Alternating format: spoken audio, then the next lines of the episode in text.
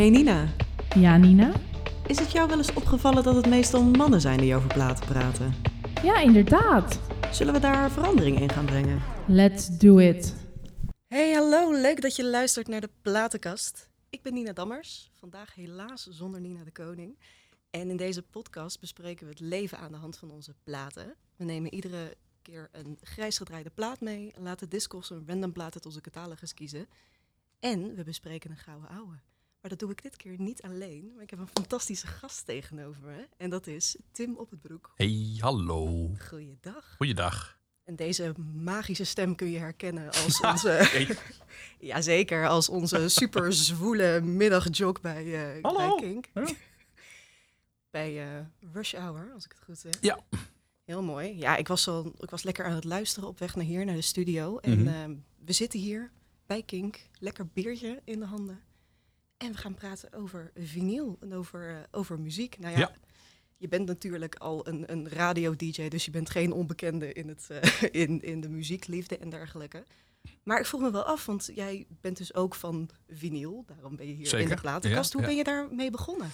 Nou, met ermee begon. Ik denk, nou ja, dat is een cliché verhaal, maar wel de platenkast van, eh, van mijn vader. Die verzamelde. Hij was zelf ook wel disjockey in de lokale kroeg. En daar draaide hij, toen hij jong was, eh, heel veel van vinyl. En dat vond ik altijd wel mooi. Eh, ook de sporen van het café dat je dan weer terugvond op het vinyl. Hij was er niet zo heel erg zuinig op, laat ik het zo zeggen. Dus van die mooie bierkringen die eh, op de precies plaats dat. zitten. Ja.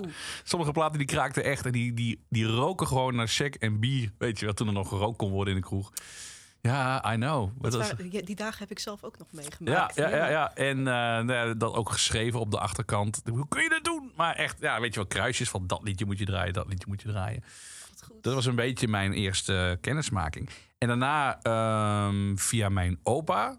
eh, daar komen we zo meteen nog wel even over te spreken. Die is echt heel erg belangrijk voor mij geweest in mijn eh, muzikale ontwikkeling. En mijn opa eh, was operazanger. Hij zong in een koor eh, in Duitsland. En eh, was ook afgestudeerd aan, de, aan het conservatorium. En had in de loop der jaren heel veel singeltjes verzameld. Ehm, maar dan met opera-stukken of operettestukken. Italiaans over het algemeen. Nessum Dorma, dat soort, dat soort knijters, zeg maar. Wat de drie tenoren ook zingen, dat, dat deed hij dan ook. En eh, ik kreeg die singeltjes. Ja, ik, ik, vond, ik vond de hoes gewoon te gek. Ik vond het gewoon, visueel was ik aangetrokken tot, tot die singeltjes. En die draaide ik dan ook af en toe. En eh La Donna Mobile bijvoorbeeld. Weet je, dat soort nummers die nu in reclames, als het over pizza gaat, dan komt dat voorbij. En dat vond ik toen hartstikke leuk om te draaien. En zo is langzaam maar zeker mijn liefde voor muziek en voor vinyl ontstaan. Maar nu eh, nu ik eraan denk, alles wat draaide vond ik als kind fascinerend. Toen ik een jaar of anderhalf, twee jaar was, zette mijn moeder me altijd voor de wasmachine. Daar werd ik rustig van. Het, het gedraai van de wasmachine vond ik fantastisch. Wat goed. We Ja. hebben gewoon een soort van in hypnose. Exact, maar alles wat gewoon draaide vond ik fascinerend. Niet om er zelf in te zitten, want ik word misselijk in attracties en dergelijke als het snel gaat of zo. Uit. Dus we moeten je niet in de draaimolen zetten. Nou, dat gaat nog wel met de rups. Ik weet niet of je dat kent. Dat gaat heel snel. En d- dat Goed, niet. de octopus op de kermis. Nou, dat gaat al helemaal fout. Dat is echt. Maar alles wat een beetje draait, vond, vond ik als kind vond ik dat super interessant. Nou ja, en toen kwamen de singeltjes en de platen, weet ik het allemaal. Dus ja, toen was ik gewoon verkocht. Oh, wat goed. Ja. Nou, dank je wel in ieder geval voor die eh, mooie introductie. En normaal gesproken beginnen we onze podcast natuurlijk over wat, wat heb je de afgelopen week meegemaakt. Om natuurlijk naar ons prachtige segment grijs gedraaid te gaan. Want welke plaat heb jij de afgelopen tijd heel veel grijs gedraaid? Deze platen hebben wij grijs gedraaid. Ik echt heel veel heb gedraaid is eh, Collapse and Sunbeams van Arlo Parks. Ik vind dat op dit moment gewoon de plaat van dit jaar.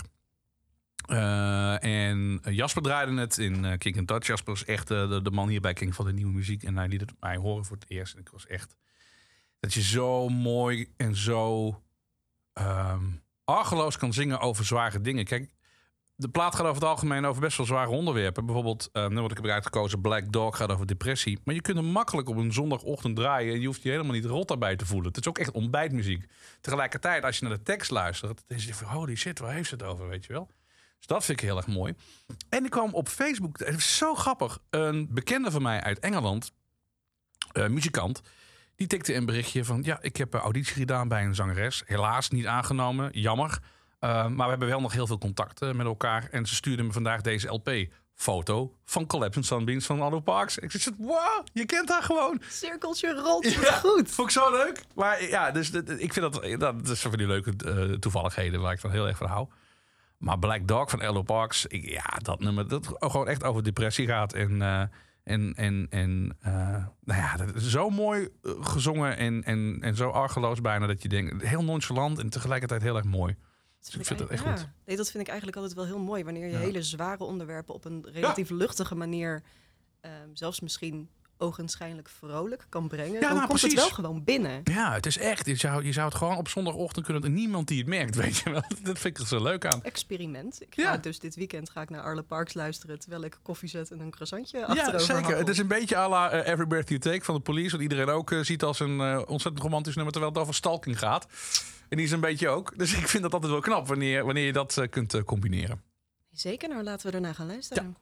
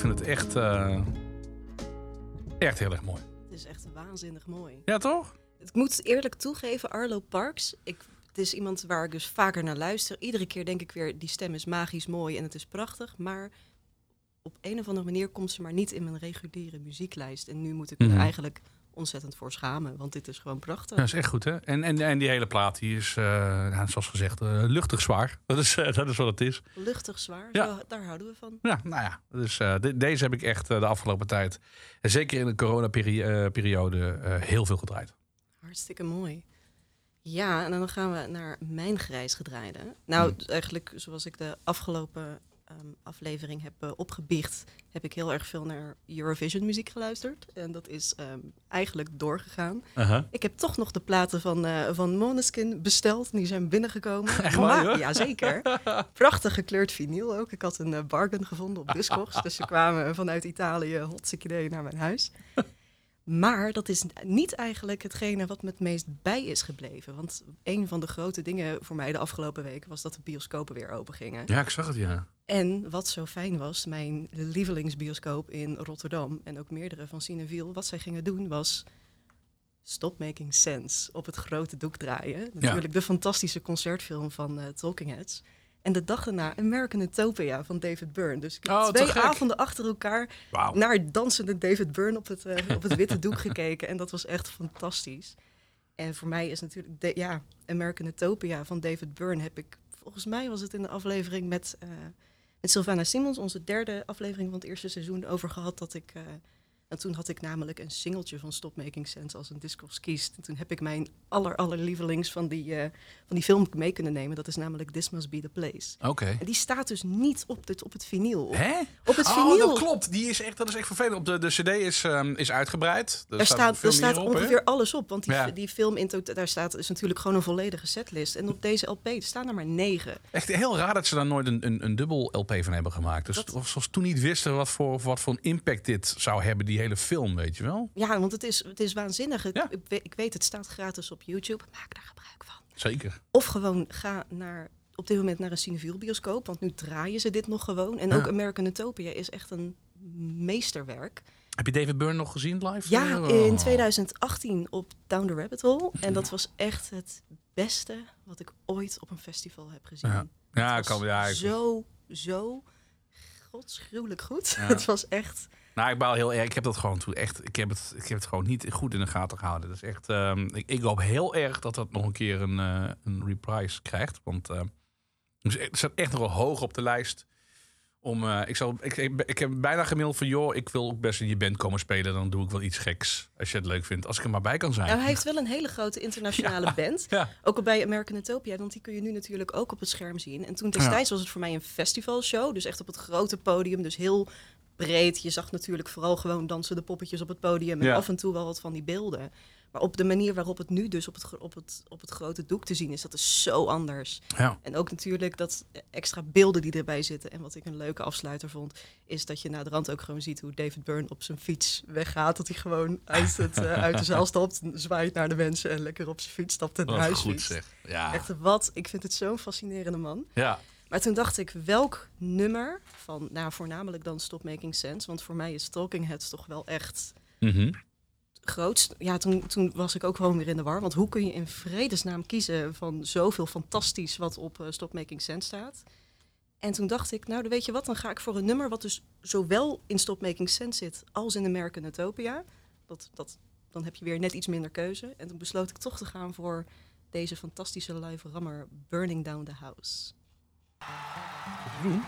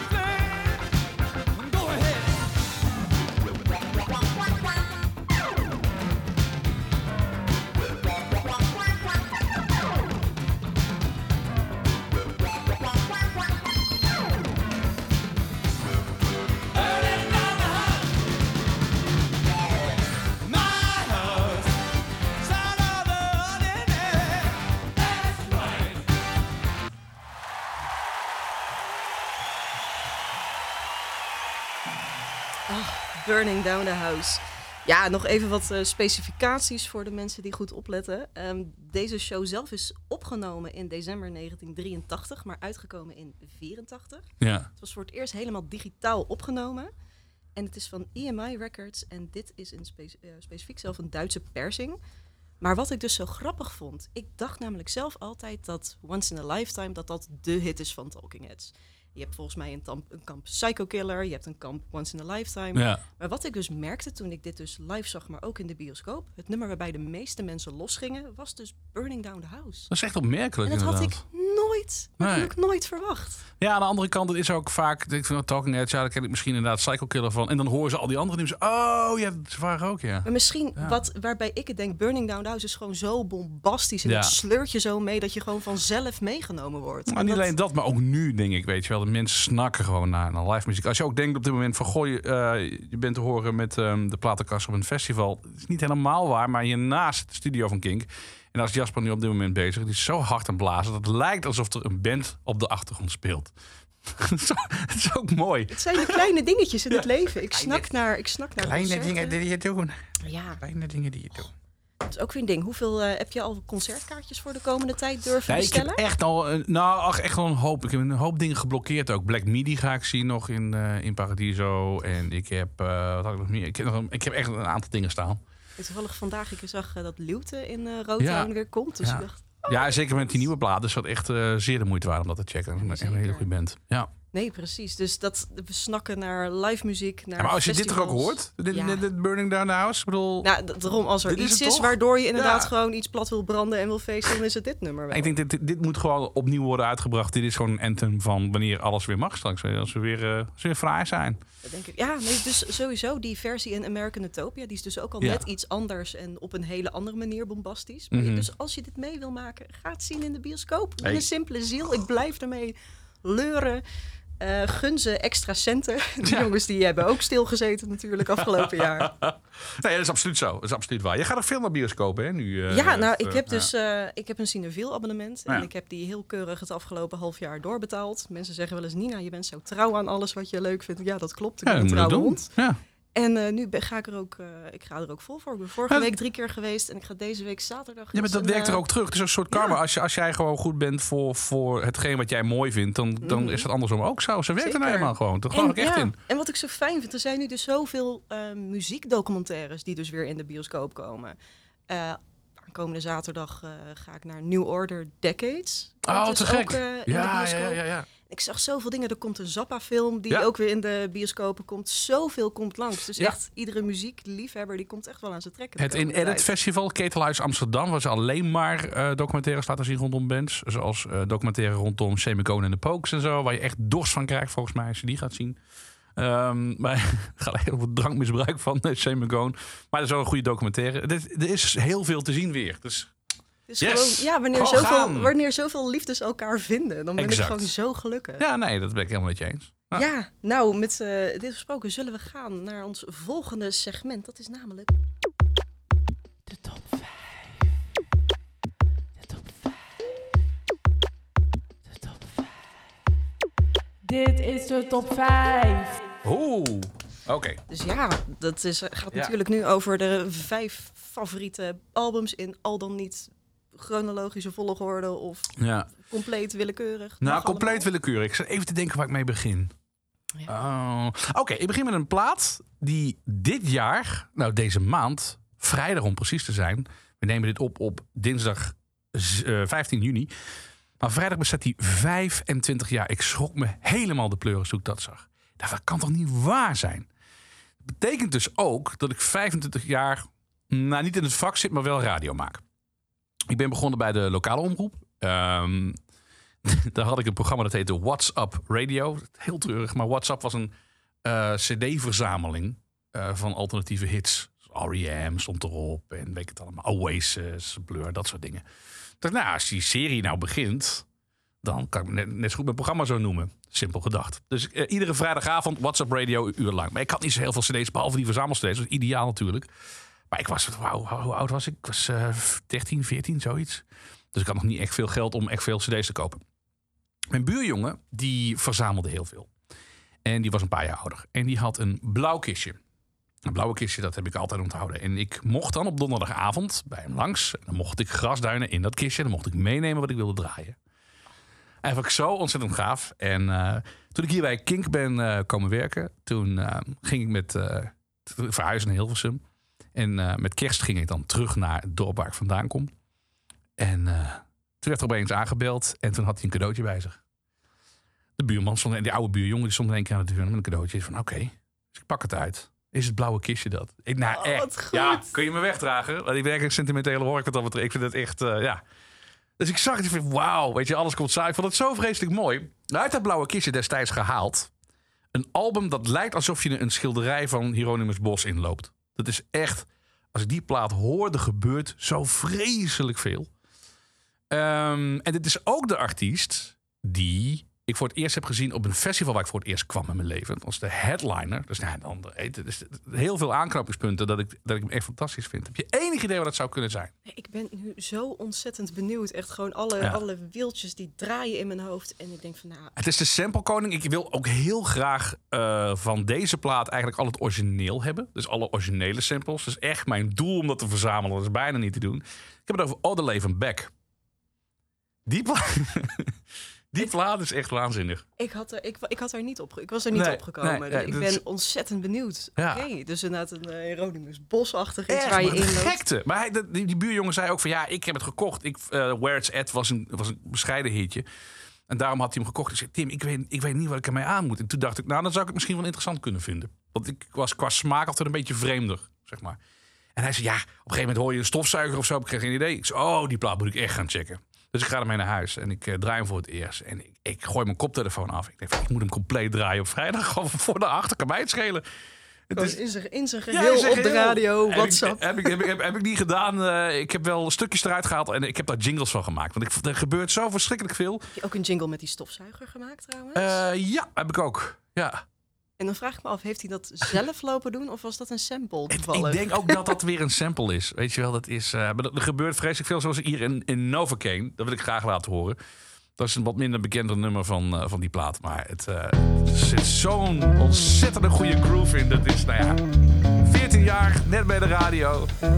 Dit gekregen van de buurjongen en die zei: Dit moet je echt even checken.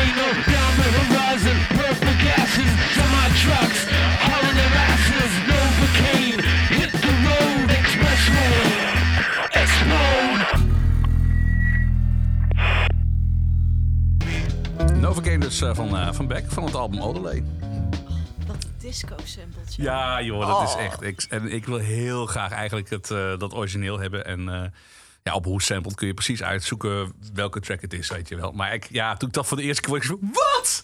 Dat, dat, dat gevoel dat je dit dus ook kunt doen met muziek. Want Je hebt het over midden jaren 90. En ik wist niet zo heel veel van samples. Nogmaals, ik was 14.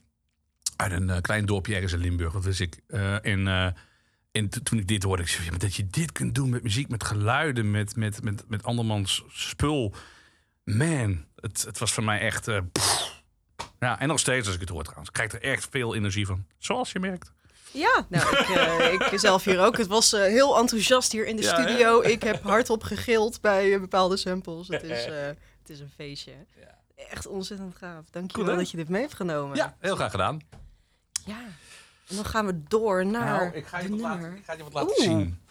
Ehm, ik, heb, ik heb één vinylalbum meegenomen. Ehm want uiteraard moesten we het hebben eh, over Frank Zappa. Eh dus mijn absolute, absolute grote held. Ik heb al eh, platen van hem...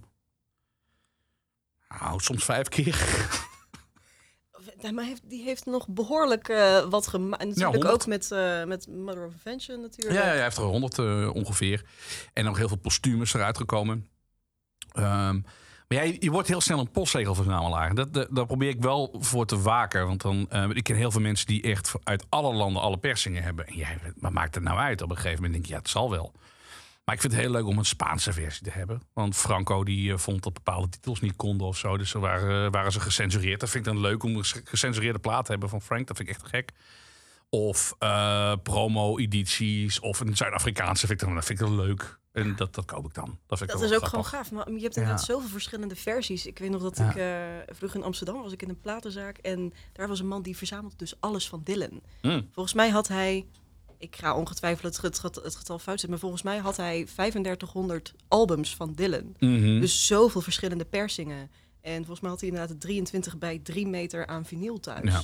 En 100 posters, maar hij mocht er maar één ophangen, want anders werd zijn vrouw boos. Oh god. Want het is toch het verdemmen geen Bob Dylan museum. en eh, ik dacht dus eventjes met jou natuurlijk met van je hebt alle platen vijf Ja, keer. ja, ik denk ja. van hoe erg heb, heb je gewoon een Zappa altaar thuis of valt het wel mee? Nou, je loopt wel een. eh, we wonen heel klein. eh, dus het is wel echt. Je loopt wel echt een, een bibliotheek binnen. Qua muziek en boeken en weet ik het allemaal. En er hangen overal foto's ook van hem en zo. Dus het is, het is wel ernstig.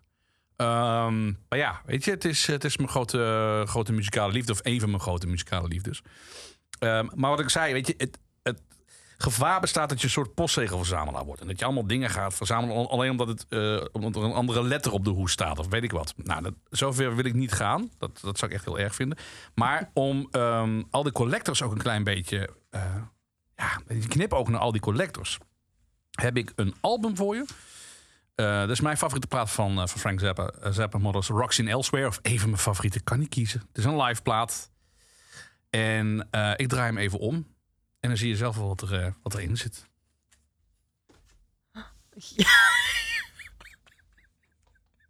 Oké. Omschrijf, omschrijf maar even wat je ziet. Nou, in mijn handen heb ik een, een, een plaat in een beschermhoes. Nina de Koning zou trots zijn. Met natuurlijk nog een code, Zappa, Ik heb alles En, in eh, beschermhoezen ook. eh. Alles in beschermhoezen. Ja. ik ben dus zo'n barbaar die dat doet, want dat neemt kostbare millimeters in. Ah ja. Ja. Ehm, nou ja, maar hier zit een eh, hele mooie grote witte onderbroek met een rood-wit-blauw. Oh, is het blauwe band. Ja, Ja, een rood-wit gekeken, joh. een rood-wit-blauw bandje Oh hier. ja, nee, Lekker nationalistisch. Ja, nou, dat is, heel, dat, is heel, dat is echt heel toevallig. Maar dat is wel grappig dat je het zegt. Volgens Oh. mij in een eh, maatje M. Ja, dat zou wel kunnen. Het is niet... het merk eh, Covington, om nog specifieker Oh, te zo, zijn. bij zo, zo specifiek ben ik niet geweest. Nou, laat ik eh, dit vertellen. dit zat niet bij de plaat. Nu, ik, zoveel vraagtekens. Ja, dat begrijp ik. Ver- vertel hier alsjeblieft meer over. De saxofonist van deze band, Napoleon Murphy Brock, wat sowieso een goede naam is, ehm, die toert nog wel eens. En veel bandleden van Frank, Frank heeft, ik weet niet hoeveel bandleden gehad, die toeren met zijn muziek. En ehm, ik ben met de roadmanager een tijd op pad geweest eh, van eh, Napoleon. En dat is een Duitser, een man uit Berlijn. En ik zat bij hem in de auto en eh, nou, leuke gesprekken gehad en alle concerten af en weet ik het allemaal. Hij zei, oh Tim, die Napoleon fantastisch, maar hij vergeet echt al drie tournees achter elkaar zijn mand met ondergoed mee te nemen naar huis.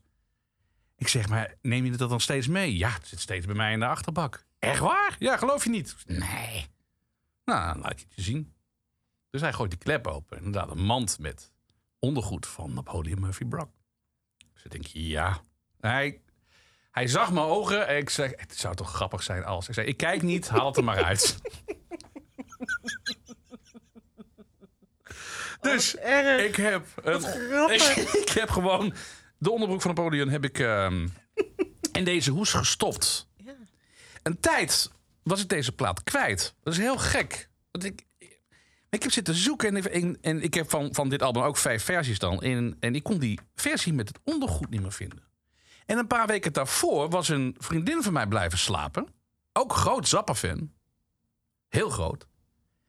En iets in mij zei, je hebt het gewoon ge- Ik heb haar gewoon vals beschuldigd. Ik, dacht dat, ik zag haar al helemaal rondlopen in de woonkamer met de onderbroek op haar hoofd.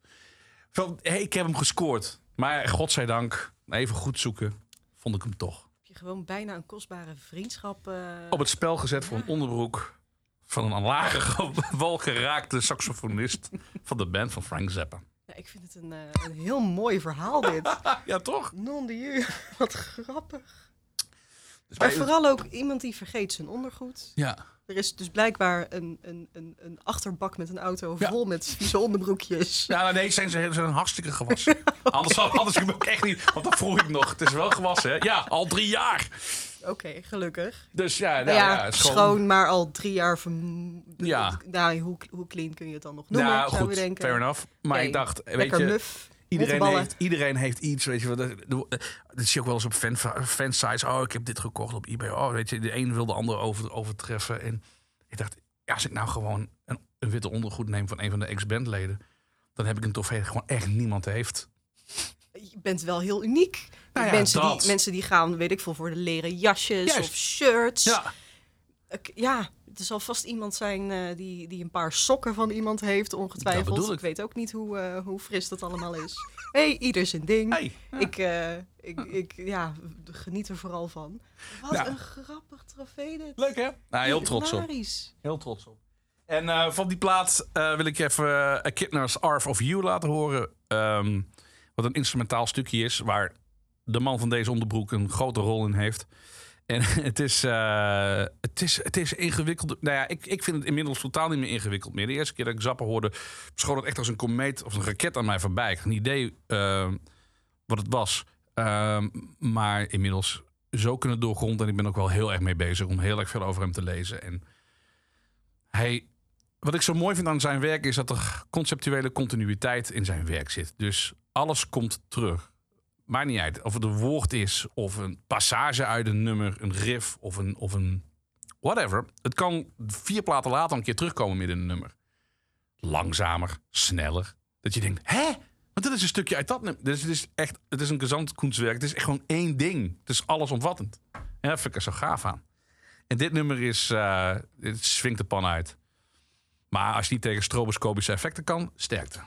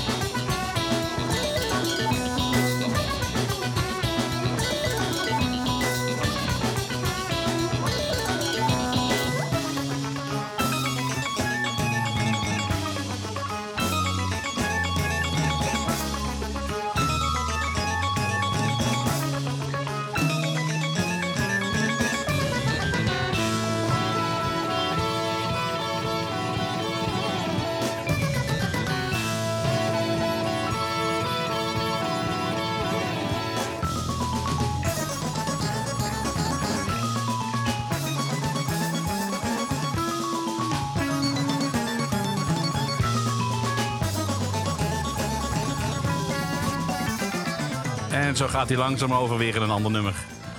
Dit is heftig, hè? Goed. Wat een Dit achtbaan. is live overigens. Oh, wat gaaf. Dit is live. Ja, dit is echt... ehm, dit is, ja. En ik heb... Heb jij ooit... Dat is een heel, heel persoonlijke vraag, maar ik ga het toch stellen. Heb jij ooit een keer een soort van out-of-body experience gehad? Of denkt te hebben gehad? Dat je denkt van, oké, ik...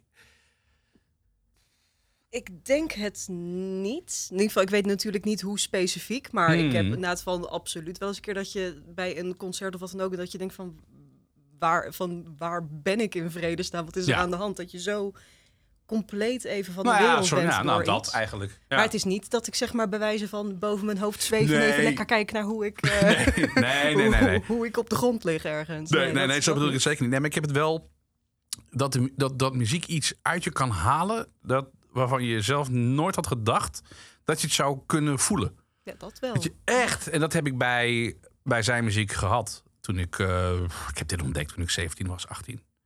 En eh, dat ik mijn koptelefoon op had en ik dacht van, iedereen kan kapot vallen. Dit is gewoon, dit is het beste wat ik ooit in mijn leven heb gehoord. En ik ook echt in die achtbaan zat, maar in eerste instantie totaal niet begreep. Maar als je uiteindelijk de muziek voelt en hoort en het kan volgen, dan is het, dan is het, ja, dat was voor mij was het echt. eh, ik, ik, ik heb nooit drugs gebruikt.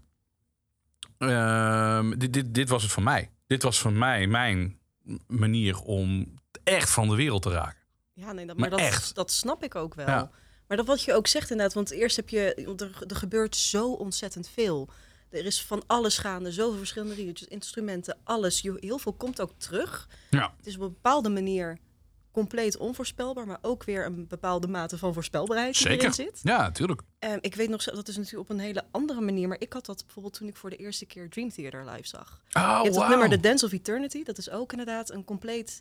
ehm, Ik wist helemaal niet dat je dat leuk vond, joh. ja, zeker. Ik ben een grappig. uh, stiekem progmetal uh, Nee, liefhebber. Ja, Nou zeker. ja, ja, zeg. nee, dus dit, dit vind ik waanzinnig. Want ik weet nog mijn eerste keer, eh, mijn eerste keer Dream Theater, toen ik voor de eerste keer Dance of Eternity live hoorde. Want het is Mhm. dus ook zonder de vocalen. Het is alleen maar de muzikanten. En er zitten zo, ze zegt dat er 80 zijn, misschien is het 120 ritmewisselingen in, Ja. in zes minuten tijd. En iedere keer wanneer ik dacht dat ik de muziek kon doorgronden, ge- gebeurde er weer iets Ja, anders. maar je Mike, Mike, eh, Mike Portnoy? Ja, Portnoy is de Van de, drummer inderdaad, ja? Of de oude, oh, zit hij nu Die zit er al tien jaar niet Oh, meer in. al lang niet meer ja, nu is het eh, Mike Mangini. Oké, maar in ieder geval die was, die is een, een gigantische eh, Zappa-adept ook. Dus en net, eh, dat, dat, dat hoor je ook wel echt. Ja, To- En Tool ook overigens, die, die, eh, die hebben ook heel veel linkjes met, met Frank. Dus dat is grappig hè? Maar dat is dan eenmaal, zeg maar, als je eenmaal zeg maar, van, van die muziekstukken hebt die zo ontzettend moeilijk lijken. Zeg maar, als je het eenmaal doorgrond hebt, dan hoe, ja, hoe bijna relaxed je ervan kan worden, omdat je het snapt. Je Ja. voelt, je hebt het idee alsof je iets hebt overwonnen. Je bent even het meester van je eigen universum. Dat, dat is het. Omdat je inderdaad Dream Theater of Zappa snapt. Maar, oh, wauw, dat, dat is goed dat je dat zegt. En ik heb dat toen met mijn, ehm, met mijn vrouw, eh, ook in eerste instantie, weet je, ik heb hem meegenomen naar een Zappa Festival. Er is altijd een Zappa Festival in Duitsland. Waar allemaal bands spelen in zijn geest of ook echt zijn muziek. En dan van ja, ik ga hiermee naartoe slepen. Dit is wel in mijn wereld. Geen idee of je trekt. Ik heb geen idee. Eerste jaar was, was even pittig. Van, oké. Tweede jaar kon ze in principe alles meezingen. En dan voel je, dat, dat is zo te gek. Als je dan iemand bij je hebt waarmee je dus dit soort dingen kan beleven. Dan ben je dus niet alleen maar alleen heerser van, van dat universum, van je eigen, wat jij net zegt. Maar dan heb je ook nog iemand eh, daarbij die dat, eh, die dat ook begrijpt. En dat had ik ook de eerste keer toen ik naar dat festival ging. En al die mensen tegenkwam en die dezelfde taal spraken. Dat is, ja, dat is gewoon kicken. Dat is echt heel erg Ja. goed. Ja.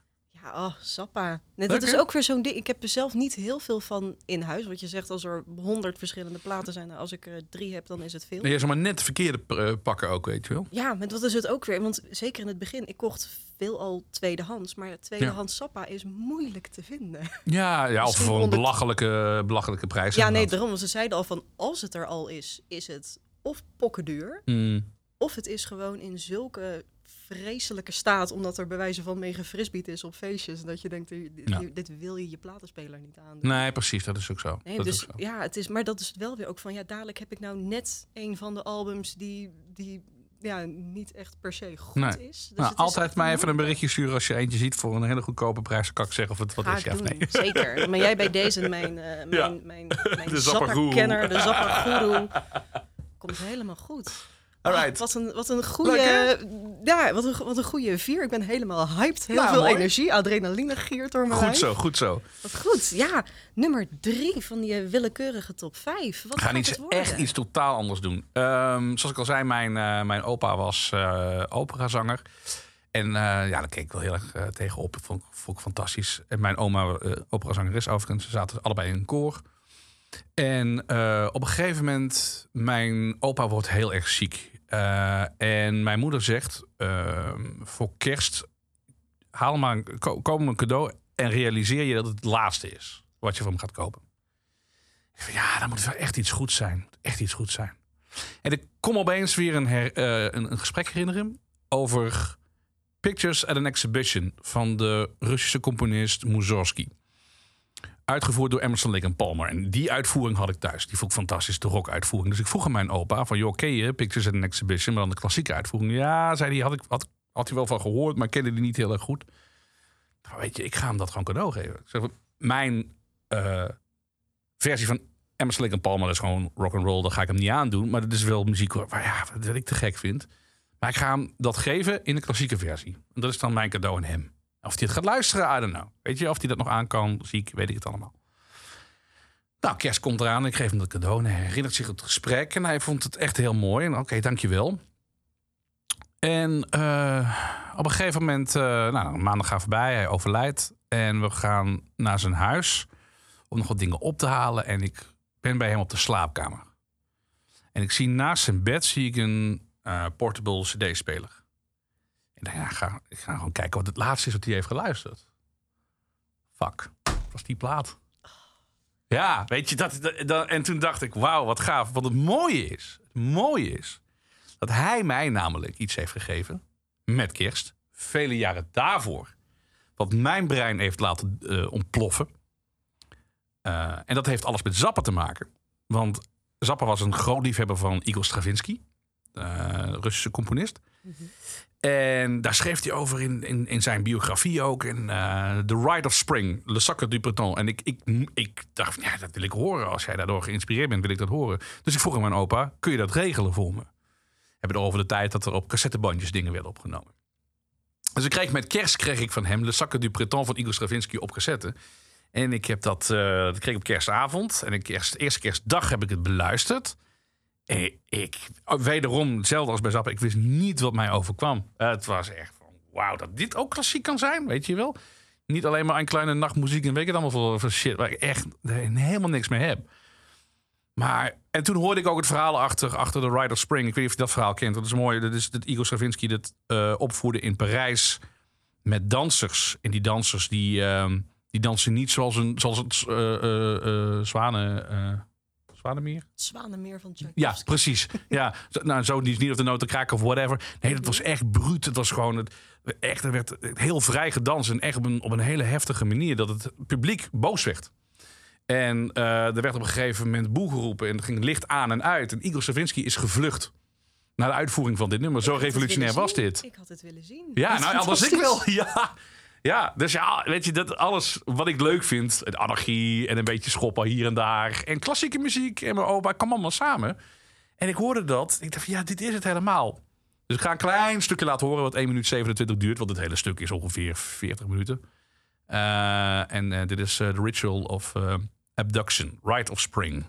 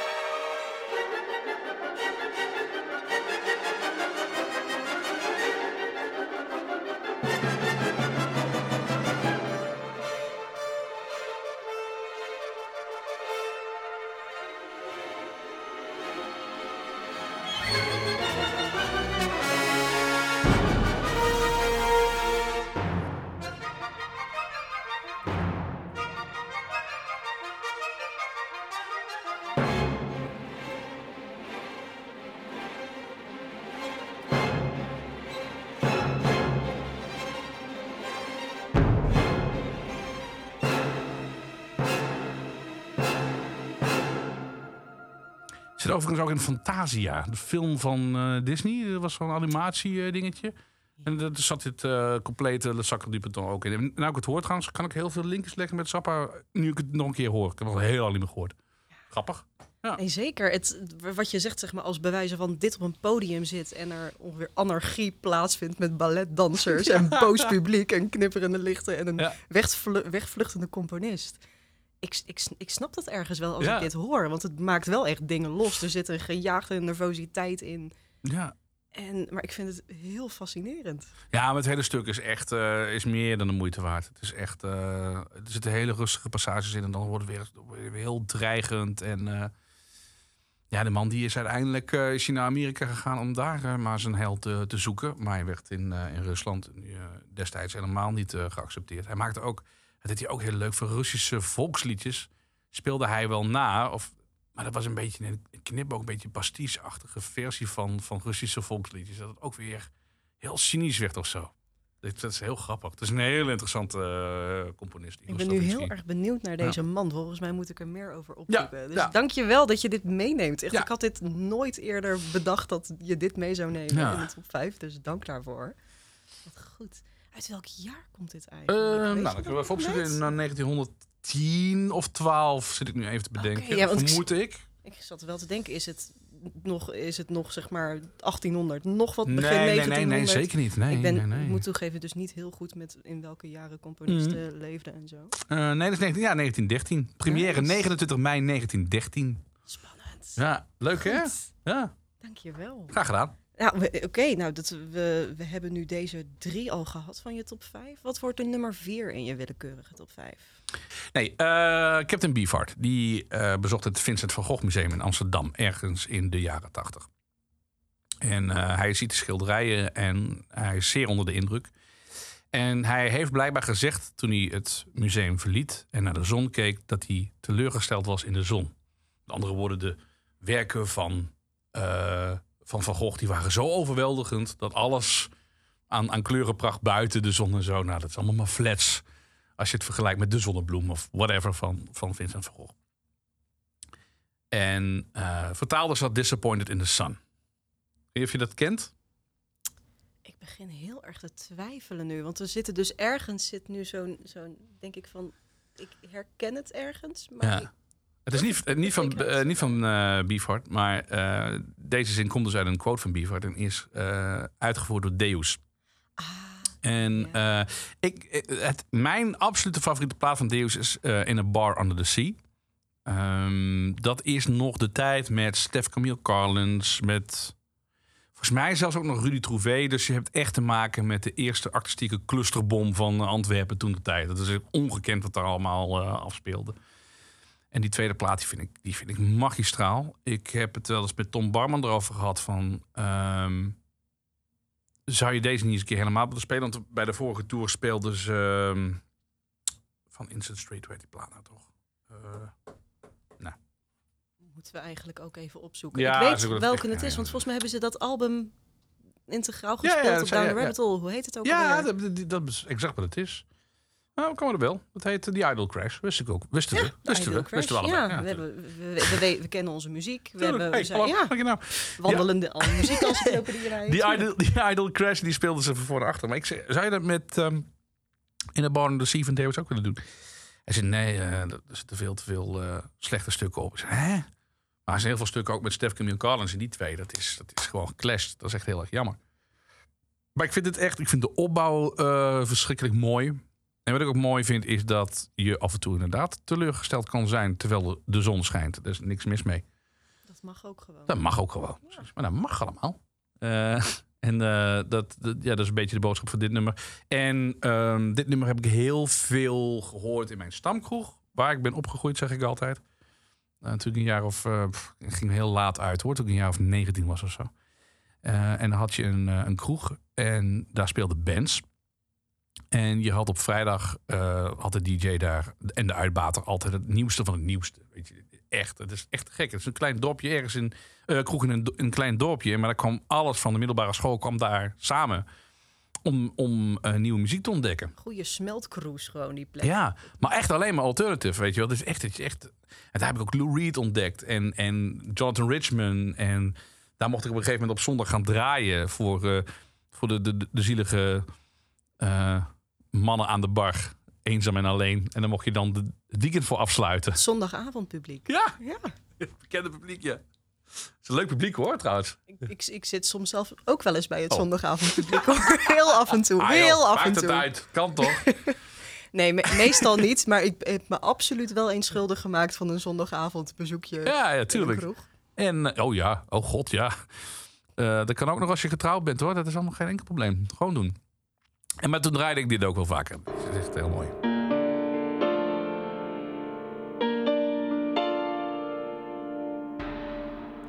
Could tell the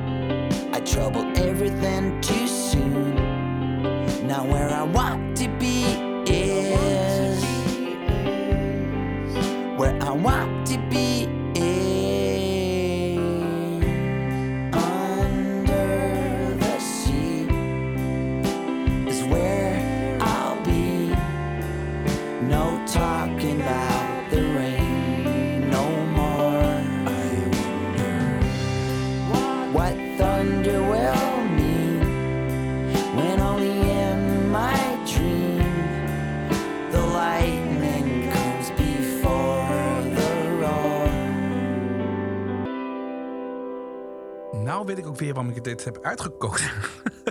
nog een andere reden. Dit is omdat ehm, de kroeg ging op een gegeven moment sluiten. Want er kwam niemand meer. En eh, iedereen was uitgevlogen. Dus had die middelbare schoolperiode. Dus iedereen zat in die kroeg. Vrijdagavond was gewoon nokkievol. Zaterdag was het alweer iets minder. Zondag, nou, wat ik al zei, die paar eh, vrijgezellen aan de bar. En op een gegeven moment iedereen ging in, stu- in Utrecht studeren of in Eindhoven, weet ik veel. Dus die, die zaak begon leeg te lopen. En eh, nou, oké, op een gegeven moment ging echt de deur op slot. En we mochten daar nog draaien. Dit is het laatste lied dat we draaien. Dus met tranen zaten we daar. Drie maanden later ging hij weer open trouwens. Eh, eerst begon hij als spaghetti bar. Nou, dat eh, heeft niet echt gewerkt. en, eh, Had hij op zijn minst een hele jolige naam voor zijn spaghetti bar? ik weet al niet meer. Ik heb geen idee meer, joh. En daarna ben ik er getrouwd. Dus ik vond het wel grappig in, in, die, eh, in die tent. Dus, Getrouwd eh, in de kroeg. Ja, ja, joh. Wat goed. Ja, eh, of, althans, te- althans, we hebben ons, we zijn, nou ja, dus een, zijn getrouwd in Amsterdam en de trein genomen naar Limburg terug om in die kroeg drie bands te laten spelen. Ook op een zondagavond toevallig? Of? Nee, het was een, oh, het was wel, het is volgens mij een vrijdag geweest, ja. Ja, Dat is wel een beetje voor dat, Wel dat, nog een voor dat beetje dat fijne gevoel. weekendgevoel Ja. in Limburg inderdaad. Met de alternatieve muziek. ja, die zeker. paar mensen die blijven hangen. Ja, dat was echt tof. Goeie. Ja. Is deze toen ook toevallig langsgekomen? Op de Ja, zeker wel. Ja, op het einde van de avond. Oh, absoluut. Ja, zeker wel. Het is dus voor jou eigenlijk een soort van klassieke avond-nachteindiger. Ja, ja, absoluut. ja. Mooi, nou, dank je wel. Ah, en dan gaan we nu naar de allerlaatste in je willekeurige top 5. Niet Ja. de laatste plaat die je mee mag nemen in Nee. totaal, maar wel de laatste in deze top 5. Nou Ja, en die moest, omdat ik... eh na Sappa is dit, is dit mijn allergrootste liefde. Dat, dat zijn de Beatles. Maar het verhaal hierachter vind ik wel nog wel mooi. Omdat ik heb... ik ben aan de Beatles geraakt door mijn moeder. Omdat ze klaar was met mijn fascinatie voor de Stones. dat hoor je ook niet vaak. maar ehm, ik was eh, heel klein toen. Nou, wat ik al zei, alles wat draaide vond ik leuk. En eh, ik weet bij god niet van wie ik die uh, Stones-plaat heb gekregen. Geen idee, volgens mij van mijn vader of zo. Want die was van de Stones. En ik draaide die plaat. Maar echt, als ik uit school kwam, ging die weer op. Weet je wel. Echt, tussen, tussen de middag, altijd. En moeder zei, ah, ah, god, hier, probeer dit nou eens. Toen kreeg ik de rode dubbelaar. Op de rode dubbelaar staan de eerste jaren van de Beatles. En eh, dat is voor kinderen is het he- helemaal leuk. Het is best, best kinderlijk, maar het is, het is heel vrolijk. En het, is een heel, zit helemaal knap in elkaar. Oh, gek. Ze begon het allemaal te verzamelen. En ik ging naar de bibliotheek om daar over de Beatles te lezen. Dus ik, ik ging daar gewoon echt in die kasten snuffelen naar Beatles eh, dingetjes. En ik was een jaar of acht, denk ik. Zeven, acht. Heel, heel erg jong. En toen zag ik in één keer... Oh ja, Sgt. Pepper, die plaat heb ik niet. Die, ga ik, eh, die had de bibliotheek ook niet, dus moesten ze dat bestellen. Dus eh, werd geïmporteerd of zo. Geen idee. En mijn moeder zei, kijk nou, ja, let op, dit is een beetje een andere plaat. Dan die rode dubbelaar die jij kent. Het is een beetje gekke muziek wat erop staat. Oké. En ik weet nog precies, het was woensdag. Zo raar dat je dat soort dingen kunt herinneren. Het was woensdag. Ik at pannenkoeken met appel en kaneel. En de plaat lag voor me op de keukentafel, want die had mijn moeder net uit de bibliotheek voor me gehaald. En die was helemaal nieuw. Dus dat was geen uitgeleende, die was echt net binnengekomen. Dus toen ik de gatefold openklapte, dat, dan hoor je ook echt dat, lijm, weet je, dat, dat hoor je nog een klein beetje. En ik, nu ik erover praat, ruik ik hem ook weer. Plus de appel, kaneel en de pannenkoek. En ik altijd die pannenkoek snel op. Ik zeg, ik ga naar boven. Oké, plaat meenemen. Ik zet hem op. Hoes in de hand. Die hoes is sowieso eh, die is zeer kleurrijk. Er gebeurt van alles. En eh, ik vond het meteen fantastisch. Ik vond het meteen geweldig. Maar dat laatste nummer, ik werd ik wist niet wat ik meemaakte. A Day in the Life met het aanzwellende orkest. Eh, die laatste klap op de piano. De twee piano's. Het, echt, het, het einde van de wereld werd, werd hier aangekondigd. Ik wist niet wat ik meemaakte. En ik denk achteraf gezien dat dat mijn eerste ervaring is geweest met echt hele vreemde muziek. Of muziek waarvan ik, eh, waarvan ik gewoon hou, een beetje het experimentele. Ik denk dat dat daar vandaan komt. Gewoon van Sgt. Pepper's Lonely Hearts Club Band. Ja, Dat heeft ervoor gezorgd. Nou, Ja. ik zou zeggen, zet hem op. In the Life. Kink. Oké, eh, Dina. is gratis eh, reclame gemaakt hier. Wel. Oh, met een schoon intro. Want op de albumversie hoor je een applaus van Sgt. Pepper Reprise. Dit is de schone introversie. Nerd, nerd.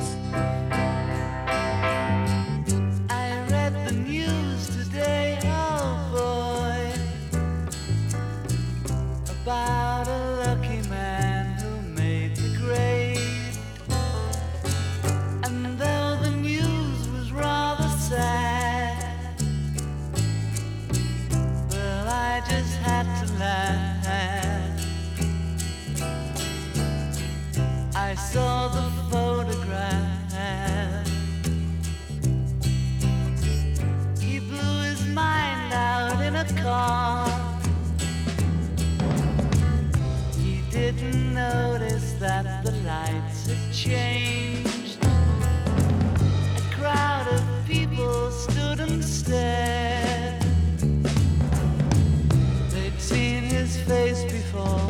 Nobody was really sure he was from the House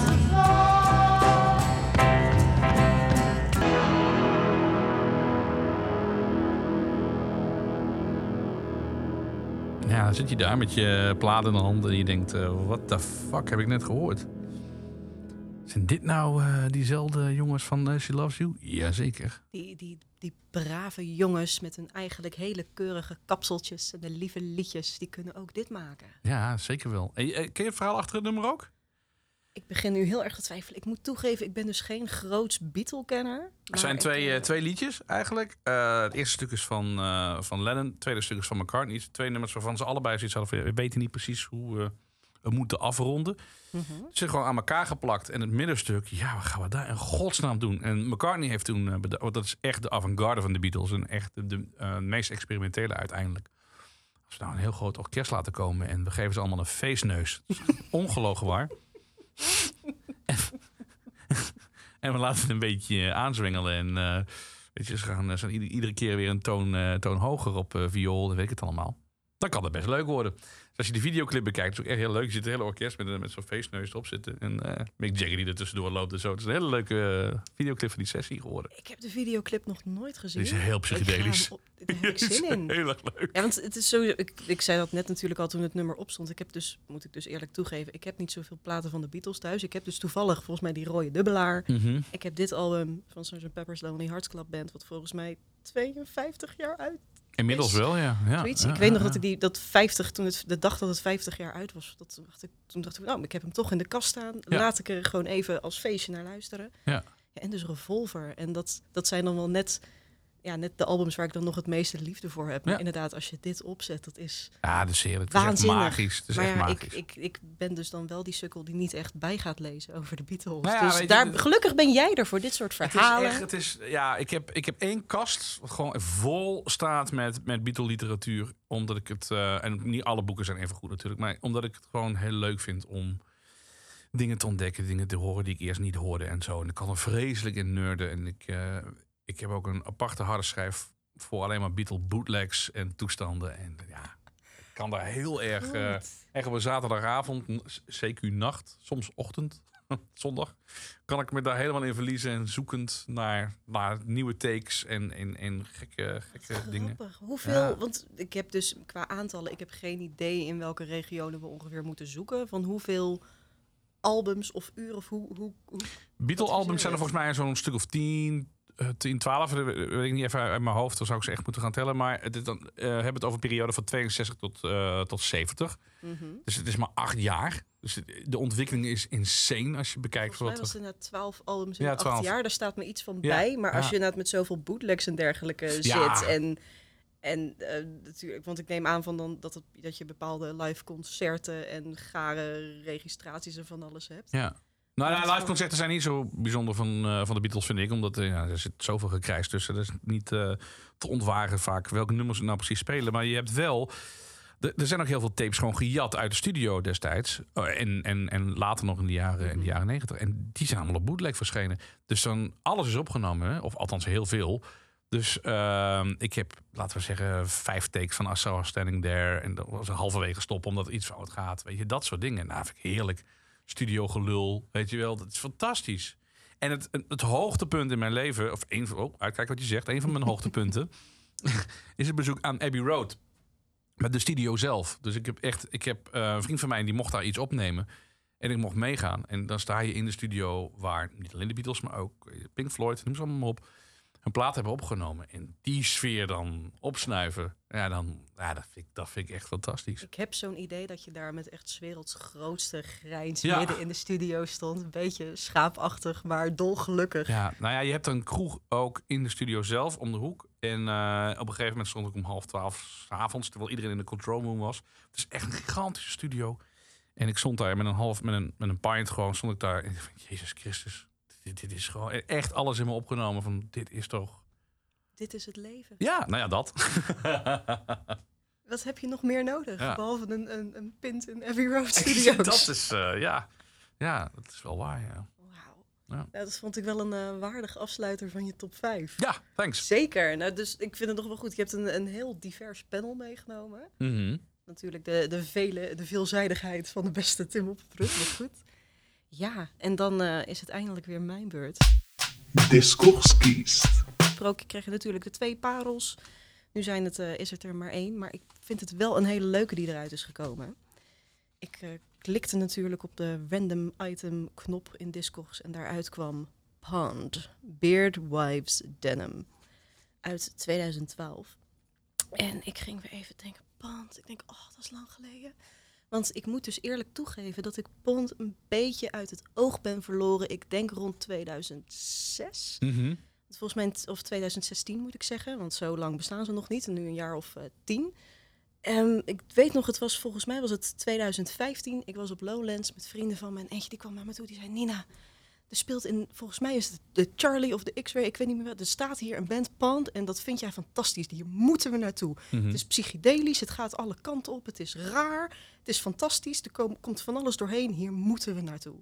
En ik weet nog, nou, het was je bent op je festival, je leeft het leven, je fladdert een beetje van tent naar tent. En ik weet nog dat ik er stond en dat ik zo overweldigend, helemaal wel, ik vond het fantastisch, ik vond het heerlijk.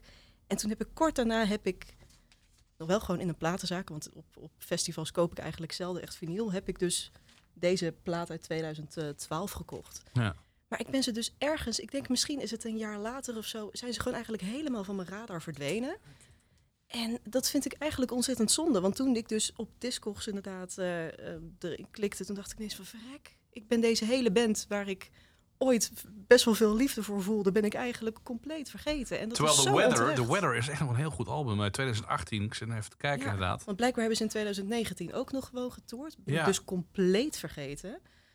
Want ja, nou, dit album zelf komt dus uit, wat is het, maart 2012. Het is toevallig een eh, Engelse persing van Modular Recordings.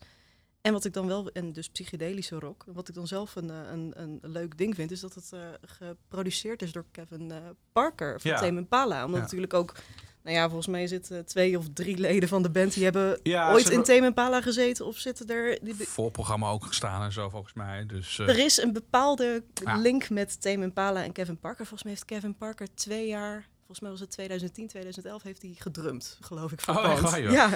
En daarna heeft hij dus gewoon eh, heeft hij producties gedaan. Maar ja, dat is mijn ding. Ik moet dus toegeven, bijvoorbeeld bij Tame Impala, ik ken dus alleen maar gewoon Kevin Parker. En de rest, ik heb geen idee wie er mee spelen. Dus nou, in mijn hoofd is het gewoon een man en een begeleidingsband. Precies. En dat is va- vast onterecht. Dus ik zou ook niet durven zeggen hoe de rest van de bandleden heten. Maar ik ja, ergens van, misschien is het, is het heel simpel om dan als je pond meeneemt, om dan maar weer Tame Impala te noemen. Maar ik, ja, het, ik, ik snap het in principe wel. Mhm. En het is gewoon een hele, een hele fijne manier. En toen ging ik dit dus eh, weer eens een keertje helemaal luisteren voor het eerst in jaren. En het nummer waarbij ik toch weer het meest... Waarbij ik denk ik de meeste dingen voelde in een spanne van drie minuten tijd. Dat was het eh, nummer Mothwings. Stepped on some moth wings, the day they nearly broke away. I knew how far the seagulls love, but you should never give it up. Give it up. Get to the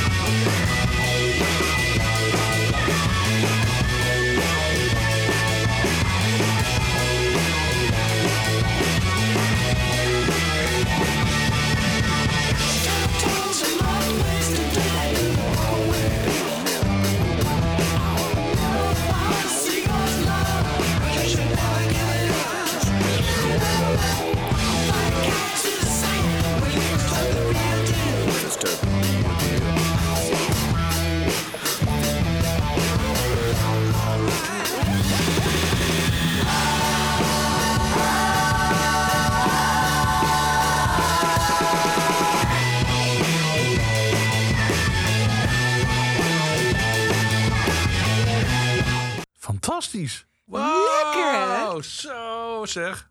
Ik was dit dus Ja. straal vergeten. En ik vind het zo jammer, want dit is zo goed. Ja man, dit is fantastisch. Goh, ik ga al die platen weer eens opnieuw draaien. En dat moet je doen. ik moet dus de rest van de discografie van eh, Pontus... ehm, Ja, The Weather zou ik je zeer aanraden. Het is echt heel mooi. 2018 zijn. Ja, ja. Beard, Wise en Denim, hè? Daar komt deze ja, vandaan, Beard toch? Wives Denim. Dat is echt te gek. Wauw. Zeker. Dat is dus het ding. Er staan zoveel verschillende soorten stijlen op. Ik weet nog, Ja. dacht ik, sommige die zijn vrij mellow. Soms gaat het weer alle kanten op. Maar ik vond dit gewoon zo fijn. Gewoon in drie minuten tijd zit er eigenlijk alles in waarvan ik hou van in, in psychedelische rock. Ja. Oh, je, je, je, bent echt zo'n eh, liefhebber van Nou, ja, het, eh, bijvoorbeeld... ehm, het, het, ligt, het gaat natuurlijk net een beetje alle kanten. Maar bijvoorbeeld eh, een paar jaar geleden de combinatie Pauw en Birth of Joy. Oh jeetje, ja. Halleluja. Dat Ja. was waanzinnig. Dat Ja. is een van de, van de beste, zeg maar, praten over een soort van drugservaring hebben terwijl je geen drugs gebruikt. Dat Nou, had dat ik zo. echt bij. Pauw en Birth of Joy. ja. Pauw vond ik echt, echt verschrikkelijk goed. Heel jammer dat hij... uit- Trouwens. Bird of Joy ook al uit elkaar. Ja, ik was toen, eh, ja, dat, dat, dat album van Pauw, dat, dat is ook gewoon visueel, is dat, is dat prachtig. Ja. En daar hou ik ook ontzettend van. Maar ja, Birth of Joy was echt gewoon mijn favoriete liveband. Oh, wat En goed. Toen, ja, want ook iedere keer gewoon dan luister naar gewoon overal kippenvel, adrenaline, stuiteren, gewoon niks meer kunnen, want muziek. En ehm, ja, toen, toen stopten ze. En nu heb ik iedere keer het idee van iedere keer als ik een nieuwe favoriete liveband heb gevonden, dan stoppen ze.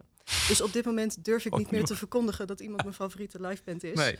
Ehm, ik, ik, durf niet meer. nee, ik snap het. Ja, het, eerst was het Birth of Joy, toen werd het Indian Askin. Oh dat- god, aan ja, elkaar. dus dat. pff, Ja, dus ik durf niet meer. Nee. Ik durf geen nieuwe favoriete liveband meer te benoemen. Want dat is volgens mij een soort van doodsvonnis op dit moment. Ja.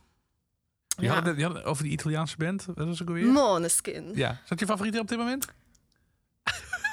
Want ik, ik wil best die vloek laten uitspreken hoor. Vind ik niet erg. Nee, die wil ik heel graag, als het even kan, in een festival zien. Oké. Ja, ik eh, geniet ervan. Nee, maar dat is niet eens mijn, mijn, mijn allerlievelings van Eurovision is Go, hè? dat nummer uit Oekraïne. Oké. Word ik ook ongeveer bezeten. Het, ik maak geen. ge- Ik denk, ja, toen, twee weken terug, had ik het denk ik 300 keer geluisterd. Ik denk dat ik nu dus ruim over de 500 zit. Wat goed. Ik ben geobsedeerd. Ik durf toe te geven. Ja, ja. Ik wil het live zien. Want volgens mij raak ik in extase. Volgens mij krijg ik hetzelfde als wat een psychedelisch rockconcert met me doet. Maar dan krijg ik dat met Oekraïense electro-folk. Heb jij dan ooit Motorpsycho eh, live gezien? Nee. Oh, dat is, ook, dat, moet, dat is echt iets voor jou dan. Dat is echt te gek. Ja. ja, had ik nog kunnen draaien trouwens. Helaas. Er is zoveel. Er is zoveel. Ja. Maar ja, er, er is zo- zoveel. Er is nog maar één, één nummer, één Mhm. segment. Het is tijd voor de gouden ouwe. Ja, dat. Hij moest een keer gebeuren. De galm moest een keer komen. Daarom, ja, gedraag je echt fatsoenlijk met, dat, met al die geluidjes die je hebt. Daar valt er een oude nog in. Je houdt je ontzettend in. Ja. Ja, want de, de Gouden Ouwe is er een... Ja, ik vond natuurlijk, je hebt de opdracht gekregen van breng zeven platen mee. Een grijs gedraaid, een top vijf, een eh, Gouden Ouwe. Hoe moeilijk vond je het eigenlijk om dit uit te zoeken? Was het een hele bevalling of viel het eigenlijk wel mee? Drie minuten. Nou, dat vind ik heel keurig. En waarom? Ik zat je, eh, omdat ik, vind, ik, vond ik vond het te gek dat ik gevraagd werd. En eh, omdat ik altijd al deze nummers als stalkaart wilde laten zien van dit is het. En ehm, misschien heb je wel gehoord, ja, ik, ben, ik grijp heel erg veel terug. Eh, dat komt misschien door een periode waar ik nu in zit, I don't know. Maar ik grijp veel terug naar, naar eh, eerdere tijden en de, de momenten dat ik muziek ontdekte. Mhm. Eh, en daarmee probeer ik dan linkjes te leggen met het heden. Maar ehm, de Gouden Ouwe komt uit midden jaren tachtig. Het is een super lullig liedje. Echt lullig. Ik heb er nu al zin in. Maar wel leuk lullig. Ehm, even kijken hoe het... Mijn ouders zijn uit elkaar gegaan toen ik... ik heb geen idee meer hoe oud ik was. Dat is een beetje een wazige tijd. Maar in ieder geval, eh, het was een oké huwelijk. Prima huwelijk zelfs. Maar er was ook wel echt wel wat ruzie. En dat merk je als kind. En ehm, op een gegeven ogenblik eh, was er ruzie. En eh, dat was in de, in de keuken. En op een gegeven moment, ik, ik, dacht, ik had er geen zin in. Dus ik, ik loop weg. En ik loop naar de platenspeler in de woonkamer. Ik doe de deur dicht van de keuken. Dus de platenspeler aan. En naast die platenspeler lag een microfoontje. En ik denk dat ik voor die tijd ook wel eens wat geëxperimenteerd heb. Maar ik dacht, ik ga het opnemen. Ik zet het aan. En eh, ik kondig de plaat aan. En terwijl, terwijl dat loopt, ik zet het bandje godzijdank kwijt, of helaas kwijt, hoe je maar wil zien. Hoor je op de achtergrond de ruzie van mijn ouders. Terwijl ik gewoon heel vrolijk dat nummer aankondig, wat ik zo meteen ga draaien.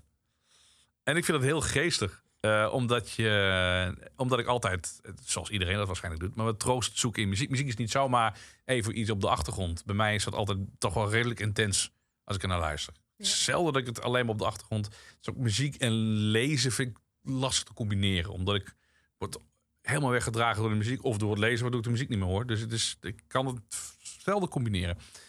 Ehm, maar goed, dus je hoort die ruzie op de achtergrond. Ik kondig die plaat aan. En eh, telkens als ik het nummer hoor, het intro, zo'n warme klank.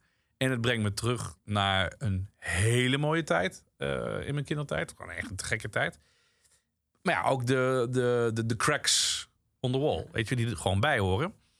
En ehm, nou, waarschijnlijk was het mijn eerste aankondiging ooit. En nog steeds als ik het nummer hoor, ik krijg zo'n warm gevoel van het intro.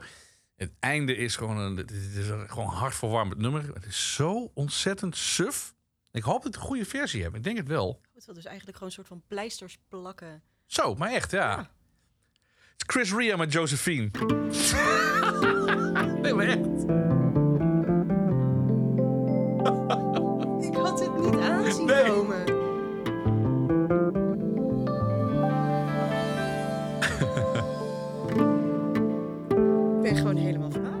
Leuk, hè? Maar nog steeds als ik het hoor. Het is zo lekker eh, huppelend. eh, niet zo'n handje, weet je wel. De wereld staat in de fik. Ja, de wereld staat in de fik. Alles gaat kapot. Maar hey, wij hebben Chris Ria op een platenspeler. Het nummer heet Josephine.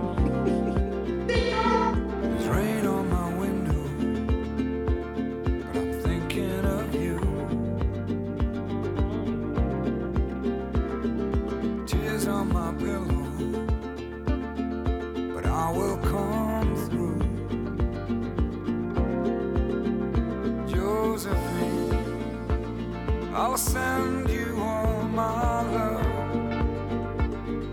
And every single step I take, I take for you.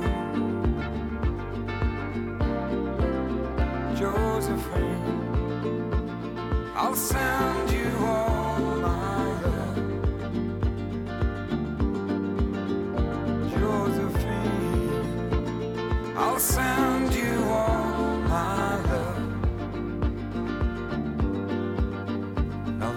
almost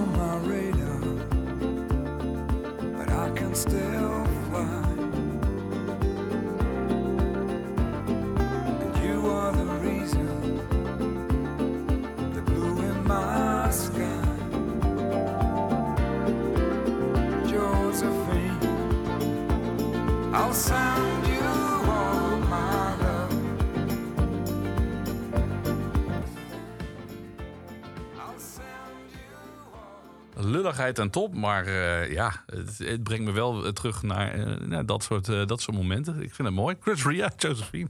Na je eerste aankondiging. Ja, ja, ja. is bitterzoet. Ja, dat is het zeker. Ja.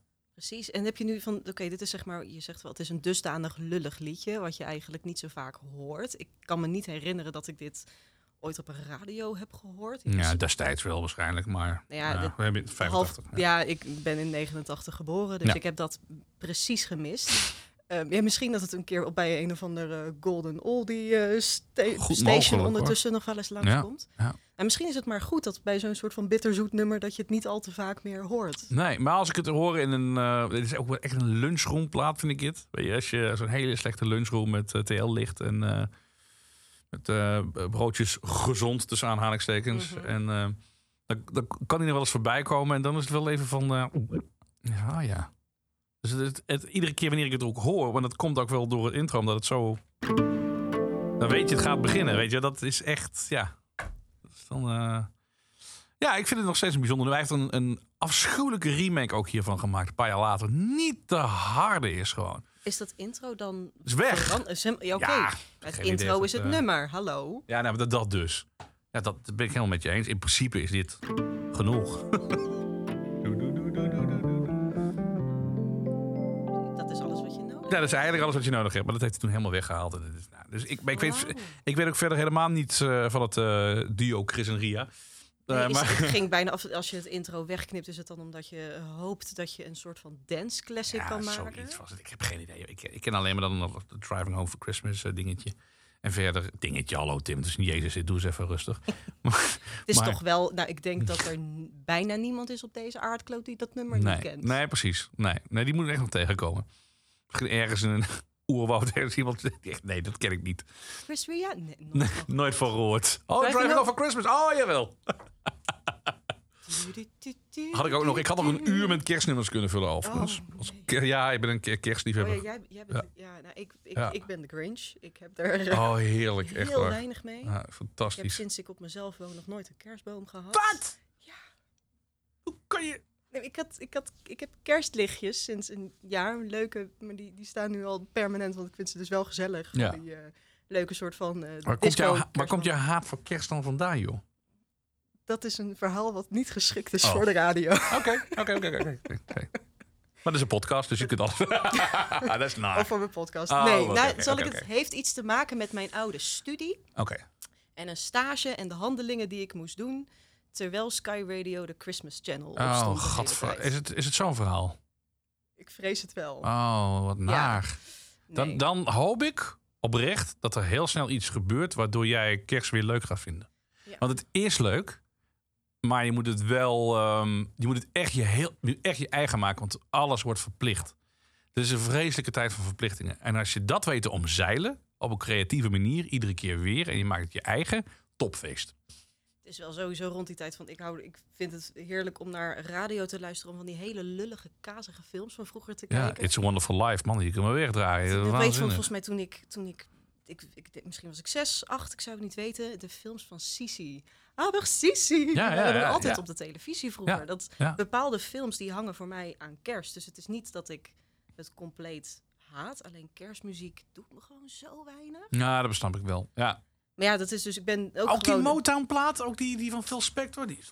Ja, kijk, waarschijnlijk zijn dat dan gewoon de goede dingen die Oh, ik dan heb je nooit gehoord? gehoord. Nee, ja, want ik zoek dus nooit kerstmuziek Nee, dat snap op. ik dan.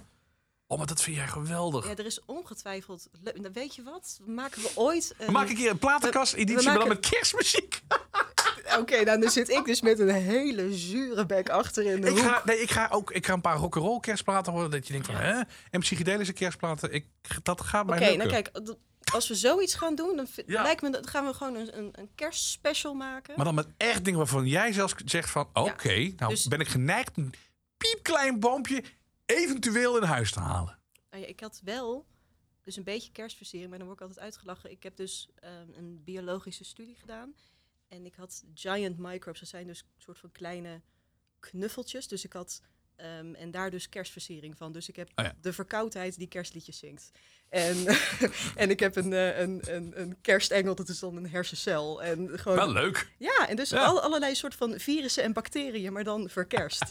Nou, in deze periode is het hartstikke normaal. ja, dus en dit is inderdaad, dit is Ja. buikgriep. Die, eh, Die, eh, en, een, en een witte bloedcel die de kerstman speelt. En dan heb je dit soort dingetjes. Ja. Dus ja, van dat is dan dat beetje neurderige wat ik dan nog wel heb.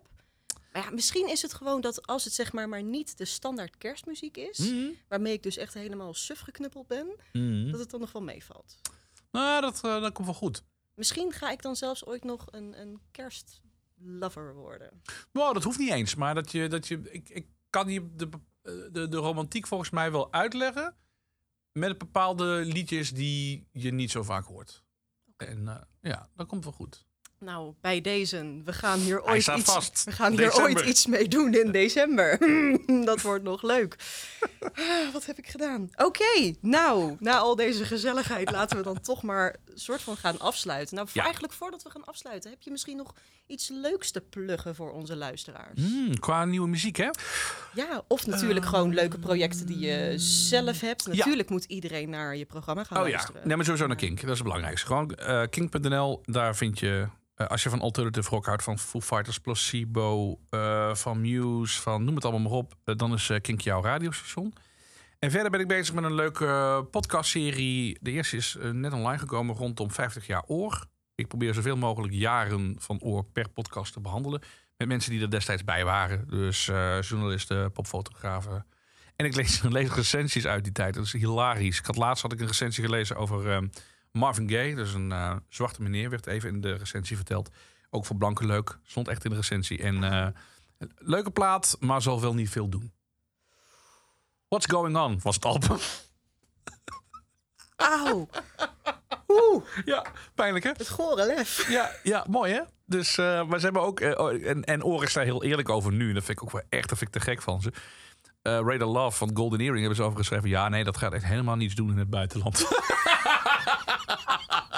Ja, dat is toch mooi. Dat- Alleen ja. maar het meest gecoverde Ja, nummer ja, ooit. ja, ja, daarom. Ik vind het zo leuk. Dus eh, nou ja, die, die recensies lees ik dan. En eh, ehm, ik praat met mensen die bands hebben gevolgd in de jaren 70 en 80. Hoe dat toen ging en zo. Dus eh, dat soort verhalen. Nice. Hoe heet de podcast? Oorlog.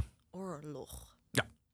Ik ben erg benieuwd. Dus nou, bij deze, als je dus de platenkast luistert en al gesubscribed hebt, ga dan Oh ja, ook naar dan- Oorlog. Ja, precies. Dus kijk, als je daar dan toch al mee bezig bent, kun je ook meteen de nieuwe podcast van Tim kiezen. Dat is natuurlijk fantastisch. Ja. Nou ja, en dan ja, verder afsluitende, nou ja, als je dit een leuke podcast vindt, vergeet dan vooral niet te abonneren, zodat we iedere keer als er een nieuwe aflevering is die zo in je podcastfeed staat. Als je via iTunes luistert, via Apple Podcasts, dan kun je een recensie achterlaten en ons sterren geven. Vijf sterren zou leuk zijn. Hoeft van mij. Als, nou ja, Nina die wordt natuurlijk boos als het niet vijf sterren is. Dan Nina ga vijf sterren snel even. Doe, ja, leuk. Nee, maar in ieder geval een recensie, dat, is, dat zouden we ook leuk vinden. Want dan kunnen mensen ons wat makkelijker vinden. En dat Nou willen ja. we natuurlijk. Want ja, platenkast, een beetje lekker niche. Maar op deze manier gaan we meer mensen aanspreken. En dat is leuk. En jullie Wat hebben echt? A-gasten gehad. Dus, eh, Absoluut. hè? Ik ben trots op ons, eh, op ons kleine wel. dingetje. Het is ook Ja. vooral eh, heel veel gewoon lef hebben. En gewoon denken, hallo, wil je Ja. langskomen? Nou ja, dat mensen meteen happen, weet je wel. Weet je nou? Leo Blokhuis? Ja, dank je. En, eh en Sylvana Simons, wat trouwens een gekke aflevering is. Zeker beluisteren. Absoluut de moeite waard. Nou, dat is toch tof dat mensen Ja, meteen nee, happen? precies. Nee. Dus, ja, nee, dat is gewoon ontzettend gaaf. Maar ja, Ja. dus je, en verder kan je ons ook vinden op Instagram. Daar zijn we de Platenkast met een C. Daar plaatsen we ook leuke kiekjes achter de schermen. En natuurlijk ook alle platen die we mee hebben genomen. En daar ga je ook nog wel een hele mooie foto vinden van Tim met de onderbroek van de saxofonist van Zappa. Dat Ja. hebben we bij deze afgesproken dat daar een mooie foto van online komt. Ja. En nou ja, wat je dus ook nog eh, vindt, deze podcast blijft gewoon gratis om te luisteren, maar is natuurlijk niet gratis om te maken. Dus mocht je denken, ik wil die meiden steunen, dan kun je naar vriendvandeshow.nl slash de platenkast. En daar kun je ons voor een omgerekend bedrag van 3 euro per maand steunen. En als cadeautje krijg je dan ook nog eens een keer iedere maand een bonusaflevering. Oh, Dus ja, even doen. dat is de moeite waard. Drie, zei je? Ja. En nou ja, je mag ook eenmalig doneren als dat je Oh, ding doe ik dat wel. Dat mag ook. Vrienden van de Oh, show, dit was erg een- gezellig. Dit was een portemonnee, hè? Jezus. nee, nee, maar ja. Ja, ik zag het. Oh ja, voor de luisteraar, hij Ja. zat even met een portemonnee. Ja, oh. Dit is ook een portemonnee.